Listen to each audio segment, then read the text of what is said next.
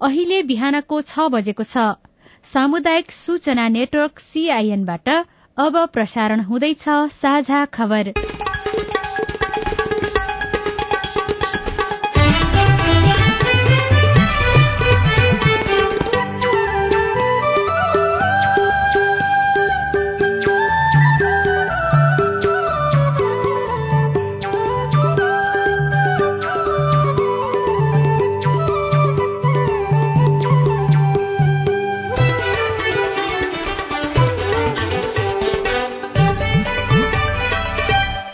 शुभ प्रभात यो सीआईएनको साझा खबर हो। सजना तिमल सिन्हासँगै राजन रुचालको तपाईँलाई स्वागत छ।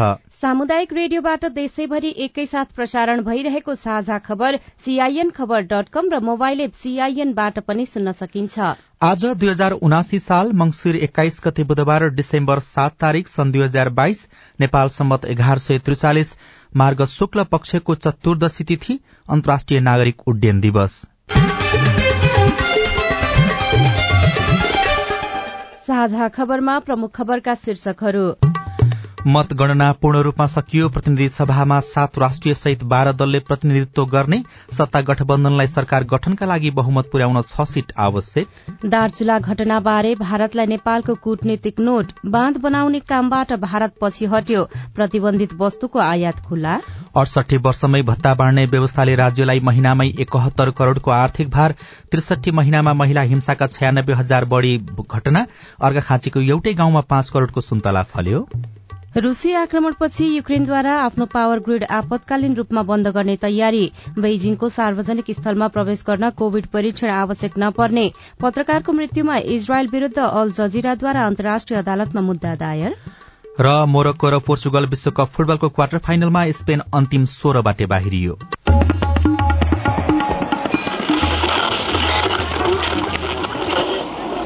रेडियो।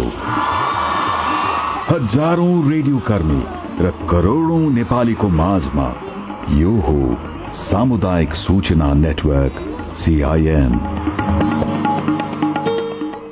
साझा खबरको सबैभन्दा शुरूमा मतगणना पूर्ण रूपमा सकिएको सम्बन्धी प्रसंग प्रतिनिधि सभामा बाह्र राजनैतिक दलको प्रतिनिधित्व हुने भएको छ।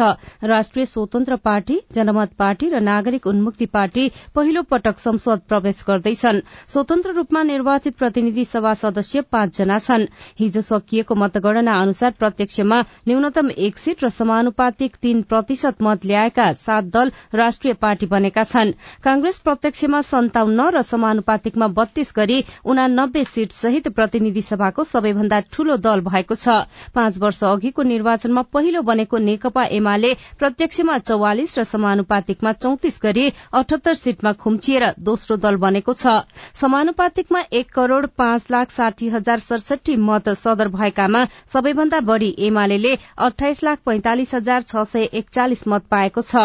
कांग्रेसको सत्ताइस लाख पन्ध्र हजार दुई सय पच्चीस मत छ। प्रत्यक्षमा अठार सीट जितेको माओवादीले समानुपातिकबाट चौध सीट थपेर बत्तीस सीट पुर्याएको छ। समानुपातिकमा माओवादीले एघार लाख पचहत्तर हजार छ सय चौरासी मत पाएको छ। एमाले कांग्रेस र माओवादीको समानुपातिक मत संख्या अघिल्लो निर्वाचनको तुलनामा घटेको छ। पहिलो पटक निर्वाचनमा भाग लिएर राष्ट्रिय स्वतन्त्र पार्टी रासोपाले प्रत्यक्ष सातवटा सीट जितेको छ। समानुपातिकमा एघार लाख तीस हजार तीन सय चौवालिस मत ल्याएर तेह्र सीट थप्दै उसले कुल सीट संख्या बीस पुर्याएको छ। राप्रपा प्रत्यक्षमा सात र समानुपातिकमा सात सय चौध सीट जित्दै पाँचौं ठूलो दल भएको छ। प्रतिनिधि सभामा जनता समाजवादी पार्टीका बाह्र सांसद हुने भएका छन् उसका सातजना प्रत्यक्षबाट निर्वाचित भएका हुन् भने समानुपातिकबाट पाँचजना चुनिने निश्चित भएको छ। प्रत्यक्षमा एक सीट जितेको जनमत पार्टीले समानुपातिकमा तीन लाख चौरानब्बे हजार छ सय पचपन्न मत ल्याएर सीट पाँचवटा थपेको छ। सीके राउत नेतृत्वको जनमत पार्टी पनि पहिलो पटक प्रतिनिधि सभामा सदस्यमा निर्वाचनमा सहभागी भएको हो। प्रत्यक्षमा दसवटा सीट जितेको एकीकृत समाजवादी पार्टीले भने तीन प्रतिशतको थ्रेसहोल्ड कटाउन नसक्दा समानुपातिक सीट भने पाउन सकेन।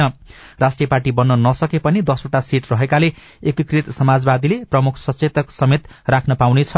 लोकतान्त्रिक समाजवादी पार्टी लोसपाले चार नागरिक उन्मुक्ति पार्टी तीन नेपाल मजदूर किसान पार्टी र जनमोर्चा प्रत्यक्षमा एक एक सीट जिते पनि समानुपातिकमा थ्रेसहोल्ड कटाउन नसकेर राष्ट्रिय पार्टी बन्न सकेनन्। राष्ट्रिय पार्टीको मान्यता नपाए पनि साना दललाई संसद सचिवालयले कार्यालय भने उपलब्ध गराउनु पर्ने हुन्छ। प्रतिनिधि सभामा कुनै पनि दलको एकल बहुमत पुगेको छैन नै पाँच दलीय सत्ता गठबन्धनलाई पनि बहुमतका लागि दुई सीट कम भएको छ। बहुमतका लागि एक सय अडतिस सीट चाहिनेमा गठबन्धनले एक सय छत्तीस सीट मात्रै पाएको छ। अहिलेकै गठबन्धनलाई निरन्तरता दिने भन्दै कांग्रेस माओवादी केन्द्र लगायतका दल सरकार गठनका लागि छलफल गरिरहेका छन्। केही साना दल समावेश गरेर गठबन्धनको सरकार निर्माणको प्रयासमा के कस्ता चुनौतीहरू देखिन सक्छन्? विश्लेषक श्याम श्रेष्ठ भन्नुहुन्छ। जुन दल बलियो बनेर आयो ठूलो बनेर आयो सरकार त उसको बनाऊ भनेर भन्ने जनादेश हो। सरकारमा एकचोटि भए तापनि प्रधानमन्त्री भइहाल्नु पर्ने जसरी पनि प्रधानमन्त्री हुनुपर्ने मनोविज्ञान नेपाली राजनीतिज्ञहरूमा लामो समयदेखि रहेको अहिले झन प्रबल भएर आएको छ। त्यस कारणले प्रधानमन्त्रीको लागि अब मरिहत्य नगर्लान् भनेर भनेर त भन्न सकिँदैन। सरकारमा जाने दलको संख्या बढ्दै गर्दाखेरि प्रधानमन्त्री राष्ट्रपति उपराष्ट्रपति लगायत संघ र प्रदेशमा रहेका चौतिस महत्वपूर्ण पदमा भागभण्डा मिलाउने सन्दर्भमा सहमतिका नाममा हुने निर्णयले अप्ठ्यारो पर्ने सम्भावना सम्भावना तपाईँ कतिको देख्नुहुन्छ? पदको बाँडफाँड राष्ट्रपति पदको सभामुख पदको उपसभामुख पदको लगायत थुप्रै राज्य सत्तासँग जोडिएको पदहरूको बाँडफाँड अब प्र्याक्टिकल्ली हुने पनि त्यही हो। त्यसले दरार खडा गर्ने वा मिल्ती हुने दुटै सम्भावना छ। यस्तै नेपाली कांग्रेस र नेकपा एमाले प्रदेशसभातर्फ तीन तीन प्रदेशमा पहिलो पार्टी बनेका छन्। कांग्रेसले बागमती बागमती प्रदेशमा पच्चीस गण्डकी प्रदेशमा अठार र सुदूरपश्चिम प्रदेशमा बाह्र सीट ल्याएको छ। यस्तै एमाले प्रदेश एकमा पच्चीस लुम्बिनीमा अठार र मध्य प्रदेशमा पन्ध्र सीट पाएको छ। यस्तै कर्णाली प्रदेशमा भने कांग्रेस र माओवादी केन्द्रले समान नौ नौ सीट ल्याएका छन्। प्रदेश नम्बर एकमा एमाले पच्चीस सीट जितेको छ भने माओवादी केन्द्रले नौ सीट जितेको छ। अब आर्थिक प्रसंग सरकारले सात महिना अघि प्रतिबन्ध लगाइएका गाड़ी मोबाइल मदिरा र मोटरसाइकलको आयात खुलाएको छ। प्रतिबन्धले विदेशी मुद्रा संचितिमा झिनो सुधार भए पनि राजस्व संकलनमा नकारात्मक असर पुगेपछि सरकारले पुस्तैकी ती वस्तुको आयात खुलाउने निर्णय गरेको हो। विदेशी मुद्रा संचिति घटेपछि सरकारले गत वैशाख तेह्र गतेदेखि मदिरा तास महंगा मोबाइल टीभी मोटरसाइकल लगायतका दसवटा वस्तुको आयात प्रतिबन्ध लगाएको थियो। मन्त्री परिषदको बैठक अघि बैंकिङ माध्यमबाट पैठारीको प्रक्रिया सकिसकेका वस्तुको आयात भने रोकिएको थिएन। पछि भदौ चौधमा राजपत्रमा सूचना प्रकाशन गरी छवटा वस्तु चुरोट तथा सुर्ती हिरा टेलिभिजन खेलौना तास कुरकुरे लेजको प्रतिबन्ध फुकुवा गरेको थियो। सबै प्रकारका तयारी मदिरा औद्योगिक कच्चा पदार्थ तीन सय अमेरिकी डलर भन्दा बढ़ी मूल्यका स्मार्टफोन एम्बुलेन्स र सब वाहन बाहेक जीप कार र भ्यान एवं एक सय पचास सीसी भन्दा माथिका मोटरसाइकलको आयात प्रतिबन्ध भने यथावत राखिएको थियो। सरकारले बन्देजलाई निरन्तरता दिएपछि उद्योगी व्यवसायीले विरोध गर्दै आएका थिए। सरकारी नीतिकै कारण ठूलो नोक्सानी बिहोर्नु परेको उनीहरूको भनाई रहँदै आएको थियो। वाणिज्य सम्बन्धी जानकारहरूले पनि सरकारको नीति गलत भएको भन्दै आलोचना गरिरहेका थिए। विलासिताकै सूचीमा रहेका कुनै वस्तुको आयात फुकुवा र कुनैलाई प्रतिबन्ध लगाउँदा अन्तर्राष्ट्रिय क्षेत्रमा गलत सन्देश गएको उनीहरूको भनाइ थियो। तस्करी हुने सुपारी केराउलाई निर्वाध रूपमा आयात गर्न दिइएकोमा पनि आलोचना हुँदै आएको थियो।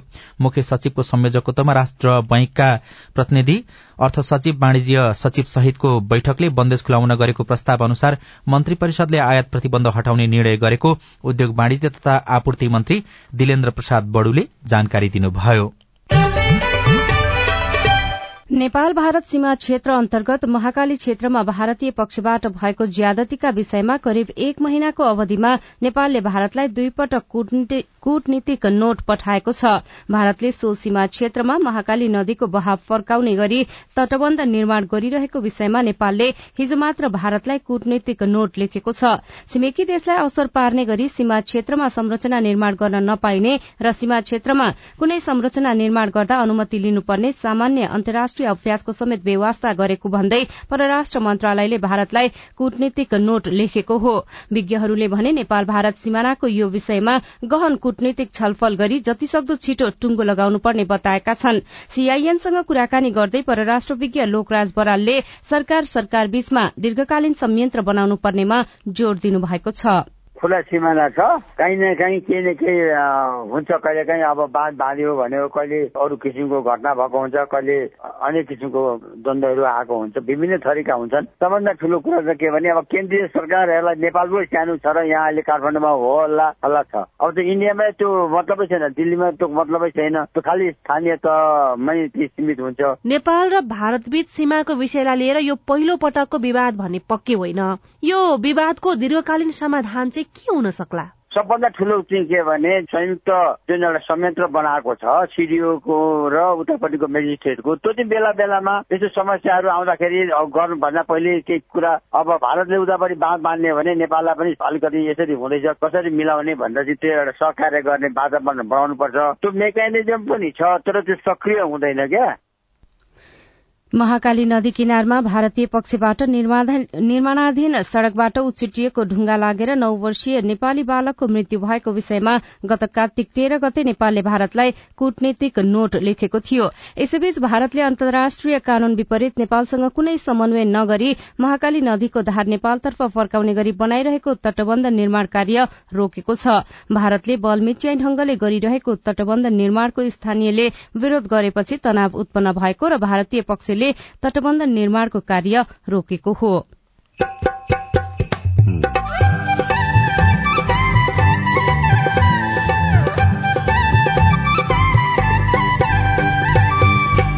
सामुदायिक सूचना नेटवर्क सीआईएन मार्फत देशभरि प्रसारण भइरहेको साझा खबरमा किबीको व्यावसायिक खेती र आमदानी।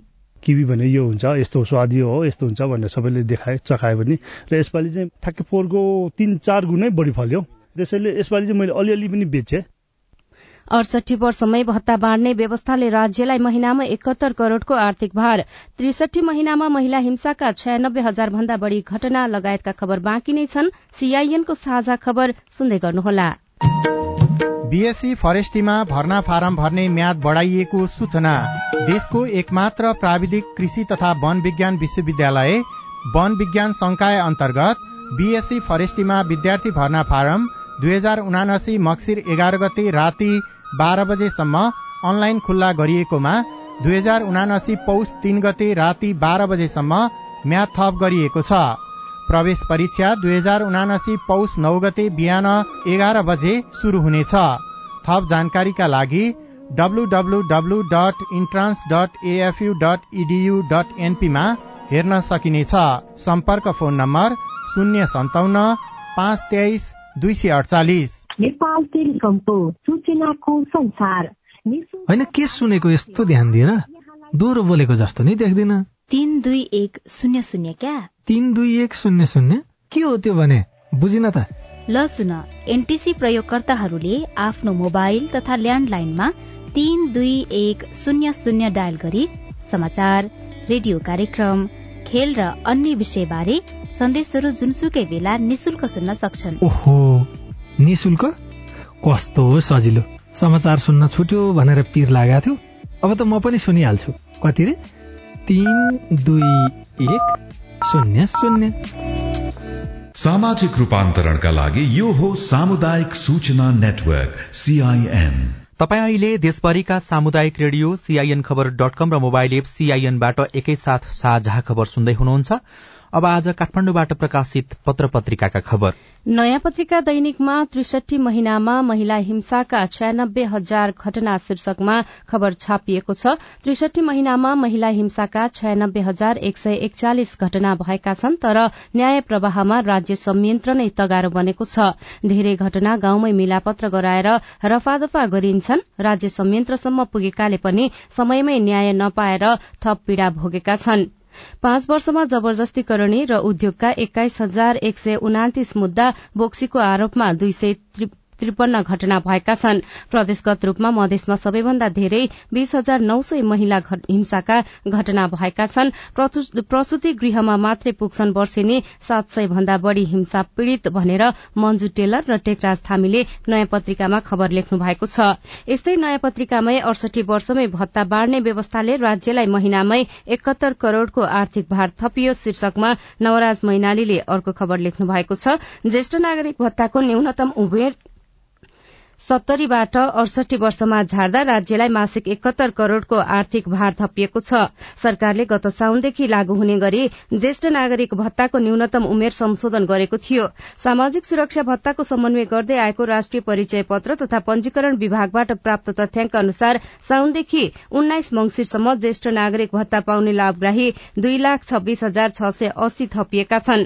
त्यसमध्ये एक लाख अठहत्तर हजार दुई सय तेत्तीस जना अडसठी वर्षभन्दा माथि र सत्तरी भन्दा कम उमेरका छन् जो उमेर हद संशोधनबाट लाभान्वित भएका हुन्। ज्येष्ठ नागरिक भत्ता पाउने उमेर सत्तरीबाट अडसठी बनाएकै कारण लाभान्वितको संख्या वात्तै बढ़ेको र त्यही अनुसार आर्थिक भार पनि थपिएको राष्ट्रिय परिचय पत्र तथा पंजीकरण विभागका महानिर्देशक तीर्थराज भट्टराईले बताउनु भएको छ पैंतिस लाख लाभग्राही एक खर्ब नाग्यो वार्षिक दायित्व भनेर खबरमा लेखिएको छ। कान्तिपुर दैनिकको पहिलो पृष्ठमा पाथीभरामा रेड पाण्डा शीर्षकमा आनन्द गौतमले ताप्लेजुङबाट लेख्नु भएको खबर छापिएको छ। हरेक बिहान माथिल्लो फेदीबाट उकालो चढ़ने र दिउँसो ओह्रालो झर्ने राजेन्द्र महतले रेड पाण्डाका बच्चाको हुल देख्नुभयो। क्याउ क्याउ कराउँदै आफू नजिक आएका बच्चालाई तीर्थयात्रीले हातले सुमसुम्याए र फोटो र भिडियो पनि कैद गरे। एउटा माउको पछि पछि तीनवटा बच्चा हिँडिरहेको दृश्य तीर्थयात्रीका लागि अनौठो थियो। पाथीभरा मन्दिरका कर्मचारी समेत रहेका राजेन्द्रले नजिस्काउन र अलग्गैबाट तस्विर लिन तीर्थयात्रीलाई सुझाउनुभयो मानवीय दूरीबाट टाढिँदै जब बच्चाहरू आफ्नो आमाको साथमा गन्तव्यतर्फ लागे तब मात्र राजेन्द्रले पनि आफ्नो यात्रा तय गर्नुभयो। यतिको संख्यामा रेडपाण्डाका बच्चा निहाल्न पाएको यो नै पहिलो पटक हो उहाँले भन्नुभएको छ। पाथीभरा क्षेत्रमा असोज बाह्र गते बिहानै हुलै हिँडेका राजपाण्डाका बच्चा देखिनु सुखद भएको खबरमा उल्लेख गरिएको छ। एउटा माउको पछि पछि लागेका बच्चाको दृश्य अनौठो देखिएको खबरमा भनिएको छ। त्यस्तै नागरिक दैनिकमा एउटै गाउँमा पाँच करोड़ सुन्तला फलेको खबर छापिएको छ। यो अर्घाखाँचीको खबर हो। लक्ष्मण घिमिरेले खबर लेख्नु भएको छ। पाल्पाको सिमानासँग जोडिएको पाणिनी गाउँपालिका एकमा पर्ने सिमले गाउँका किसान यति बेला सुन्तला टिप्ने दाना छनौट गर्ने क्यारेटमा भर्ने र गाड़ीमा लोड गर्ने कार्यमा व्यस्त देखिएका छनृ।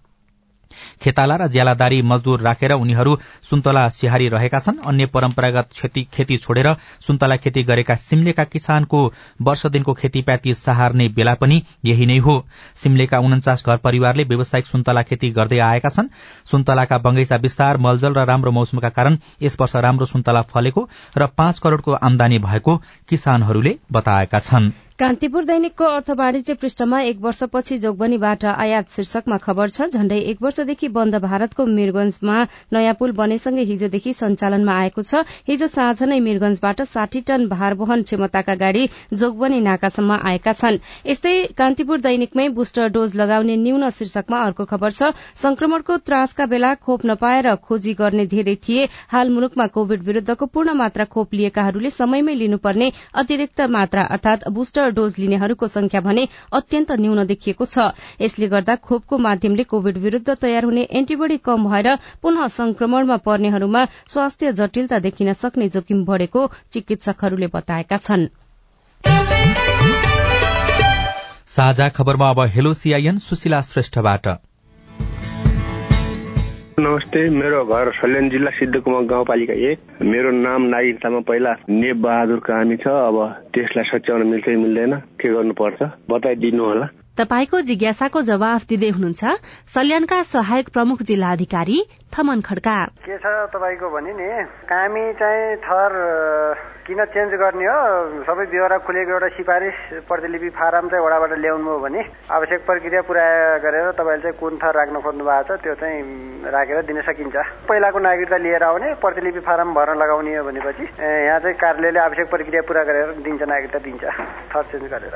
म नेपालगञ्ज आलानगर उन्नाइसबाट बोल्दैछु। मेरो समस्या के छ भने सर मेरो नाम विनोद शर्मा। यो तार घरको माथि छेउबाट गएको छ र करेन्ट लाग्न अत्याधिक समस्या छ र एकचोटि लागिसकेका पनि छ। त्यसैले गर्दा म पटक पटक विद्युतमा यो जिज्ञासा लिएर गएँ। उहाँ हाकिमहरूले यताउता हेर्नुभयो। सुनाइ भएन आएर हेर्नुभयो अनि अलि रकम लाग्ने कुरा देखाउनु भयो तर त्यो हामी सानो मान्छेले कहाँबाट सक्छ? हजुर हामी त बत्ती बाल्ने मात्र अवकाश भएको मान्छे हो। त्यहाँ एकदम धेरै समस्या छ तर मेरो मात्र होइन तिन चार घरमा यस्तो समस्या देखिएको छ। तपाईँको समस्या कसरी समाधान गर्न सकिन्छ?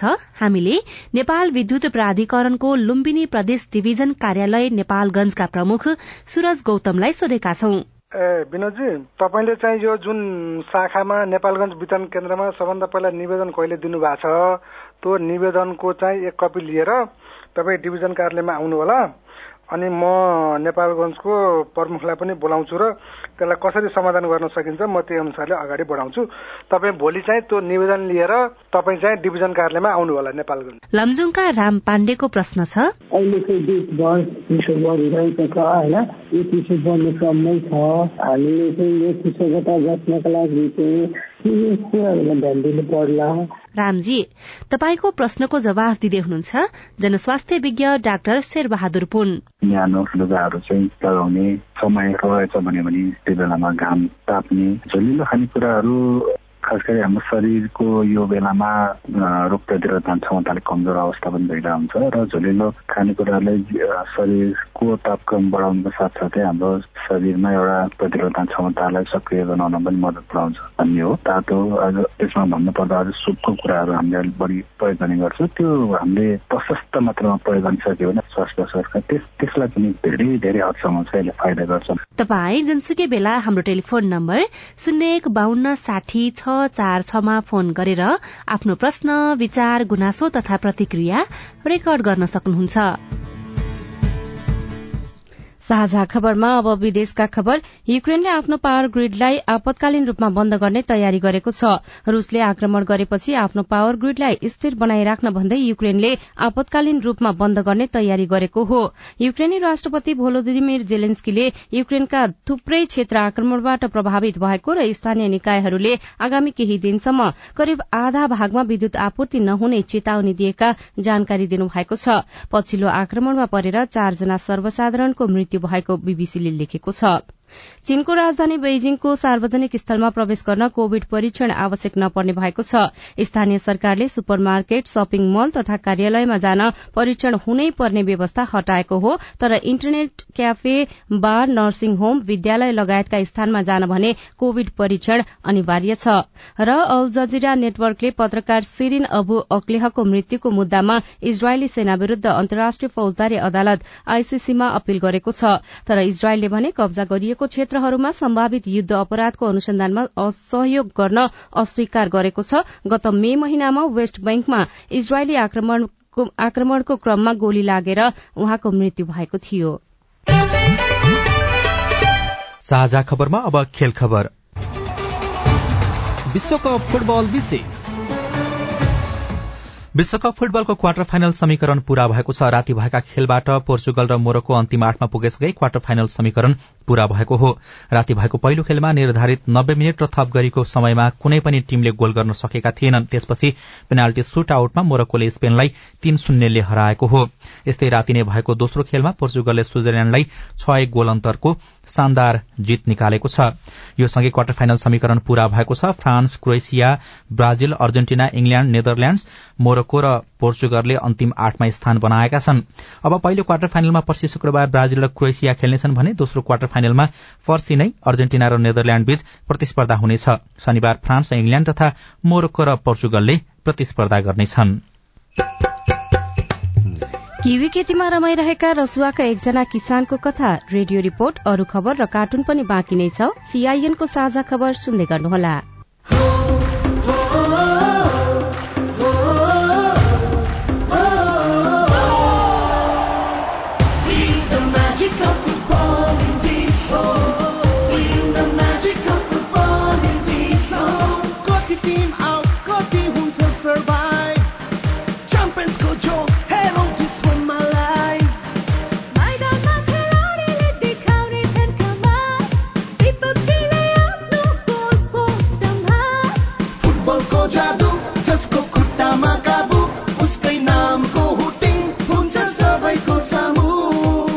सँगै फुटबल हेर्दै चिल गरौँ डिसोममा घरमा स्टेडियमको फिल गरौँ। बल लाग्दा पोलमा सुट हुन्छ गोलमा हल्ला हुन्छ गोलमा विश्वकप फुटबलको म्याजिक हेर्नुहोस्। डिसोममा लाइभ!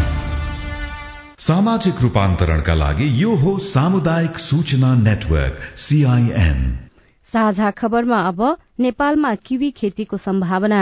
सैतिस वर्ष अघि दोलखाबाट शुरू भएको किवी खेती नेपालका पैंतिस जिल्लामा विस्तार भइसकेको छ। प्रदेश एकको इलाम पाँचथरदेखि बागमती प्रदेशको दोलखा सिन्धुपाल्चोक जिल्लामा सबैभन्दा बढ़ी किवी उत्पादन हुन्छ भने पहाड़ी तथा मध्य पहाड़ी क्षेत्रका जिल्लाका किसानको रोजाइमा पनि किवी खेती पर्न थालेको छ। नेपालका अधिकांश जिल्लामा यसको खेती सम्भव छ तर प्रभावकारी कार्यक्रम हुन सकेको छैन।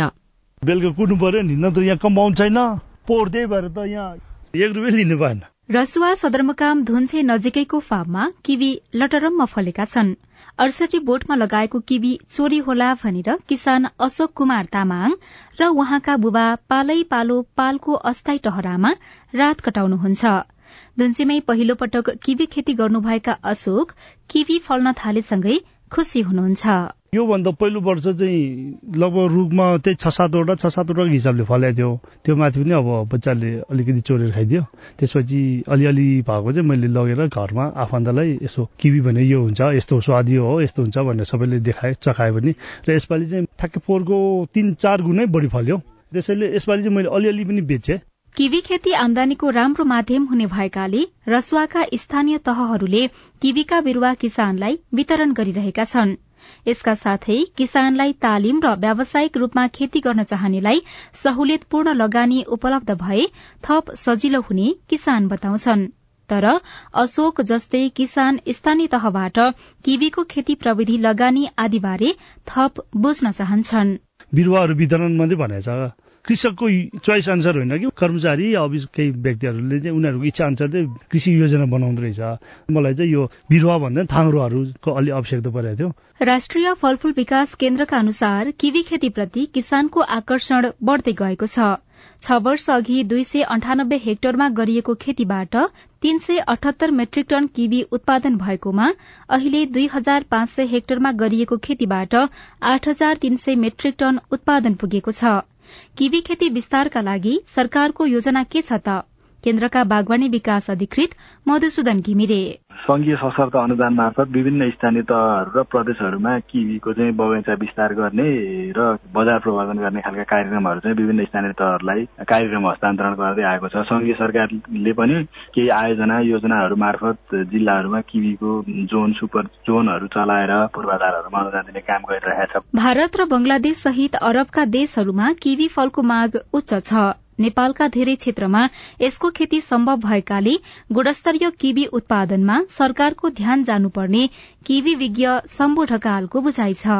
प्राविधिक साथीहरूलाई तालिम दिनु पर्यो किवी बारे जानकारी पाउनु पर्यो त्यसपछि गएर किसानहरूलाई चाहिँ उहाँहरूले तालिम दिन सक्नुहुन्छ। नयाँ नयाँ समस्या पनि आउँदैछन्। त्यो समस्यासित जुझ्नको लागि यी नेपालमै अनुसन्धान हुनु पर्यो नि त। यदि हामीले गुणस्तरीय फल उत्पादन गर्न सक्यो भने यो निर्यातको सम्भावना एकदमै बढी छ।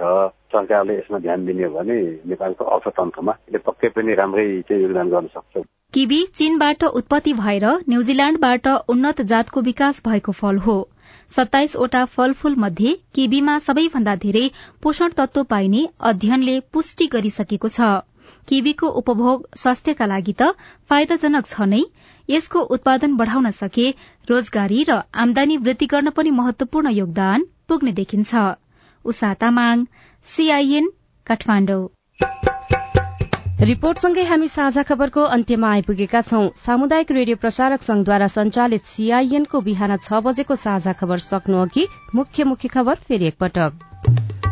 मतगणना पूर्ण रूपमा सकियो। प्रतिनिधि सभामा सातवटा राष्ट्रिय सहित बाह्र दलले प्रतिनिधित्व गर्ने सत्ता गठबन्धनलाई सरकार गठनका लागि बहुमत पुर्याउन दुई सीट आवश्यक। दार्चुला घटनाबारे भारतलाई नेपालको कूटनीतिक नोट बाँध बनाउने कामबाट भारत पछि हट्यो। प्रतिबन्धित वस्तुको आयात खुल्ला? अडसठी वर्षमै भत्ता बाँड्ने व्यवस्थाले राज्यलाई महिनामै एकहत्तर करोड़को आर्थिक भार त्रिसठी महिनामा महिला हिंसाका छयानब्बे हजार भन्दा बढ़ी घटना अर्घखाँचीको एउटा गाउँमा पाँच करोड़को सुन्तला फल्यो। रूसी आक्रमणपछि युक्रेनद्वारा आफ्नो पावर ग्रिड आपतकालीन रूपमा बन्द गर्ने तयारी। बेजिङको सार्वजनिक स्थलमा प्रवेश गर्न कोविड परीक्षण आवश्यक नपर्ने। पत्रकारको मृत्युमा इजरायल विरूद्ध अल जजिराद्वारा अन्तर्राष्ट्रिय अदालतमा मुद्दा दायर। र मोरक्को र पोर्चुगल विश्वकप फुटबलको क्वार्टर फाइनलमा प्रवेश स्पेन अन्तिम सोह्रबाटे बाहिरियो। साझा खबर कन्तीमा कार्टुन लिएका छौं। नागरिक दैनिकबाट रविन सायमीले बनाउनु भएको यो पनि शीर्षकको कार्टुन रहेको छ। यहाँ निर्वाचन आयोग भनेर देखाइएको छ। एकजना उम्मेद्वार जस्ता देखिने व्यक्ति निर्वाचन आयोगमा आफू उम्मेद्वार हुँदाखेरिको खर्च विवरण बुझाउनका लागि पुगेका छन्। उम्मेद्वारहरूले निर्वाचन खर्च विवरण धमाधम बुझाउन थालेका छन्। निर्वाचन आयोगले तोकेको भन्दा दोब्बर तेब्बर खर्च गरेर पनि कतिपय उम्मेद्वारहरू भने हार्न पुगे। यही कुरालाई व्यङ्ग्य गर्न खोजिएको छ। आयोगका कर्मचारी चाहिँ खर्च विवरण हेर्दै यसो भनिरहेका छन्। अनि जाब एक करोड़ खर्च गरेर पनि चुनाव जित्न सकिन्छ त? कसरी जित्नु? हवस् त प्राविधिक साथी सुनिल राज भारतलाई धन्यवाद। अहिलेलाई राजन रुचाल र सजना तिमल सिन्हा विदा भयौं। तपाईँको आजको दिन शुभ होस्। नमस्कार। यसपछि देशभरिका सामुदायिक रेडियोबाट कार्यक्रम साझा पहल प्रसारण हुनेछ। सुन्ने प्रयास गर्नुहोला।